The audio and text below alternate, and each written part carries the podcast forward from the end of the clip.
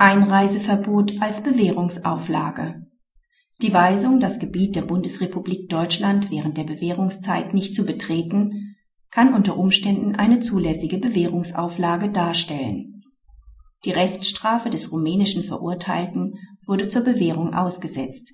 Dabei wurde ihm vom Oberlandesgericht Köln die Weisung auferlegt, die Bundesrepublik zu verlassen und während der fünfjährigen Bewährungszeit nicht wieder zu betreten.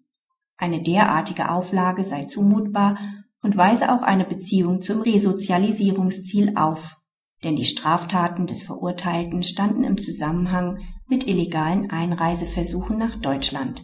Er spricht nicht Deutsch und hat in Deutschland auch keine Bindungen, so dass nach Auffassung des Oberlandesgerichts eine Perspektive für ein straffreies Leben nur in seinem Heimatland besteht.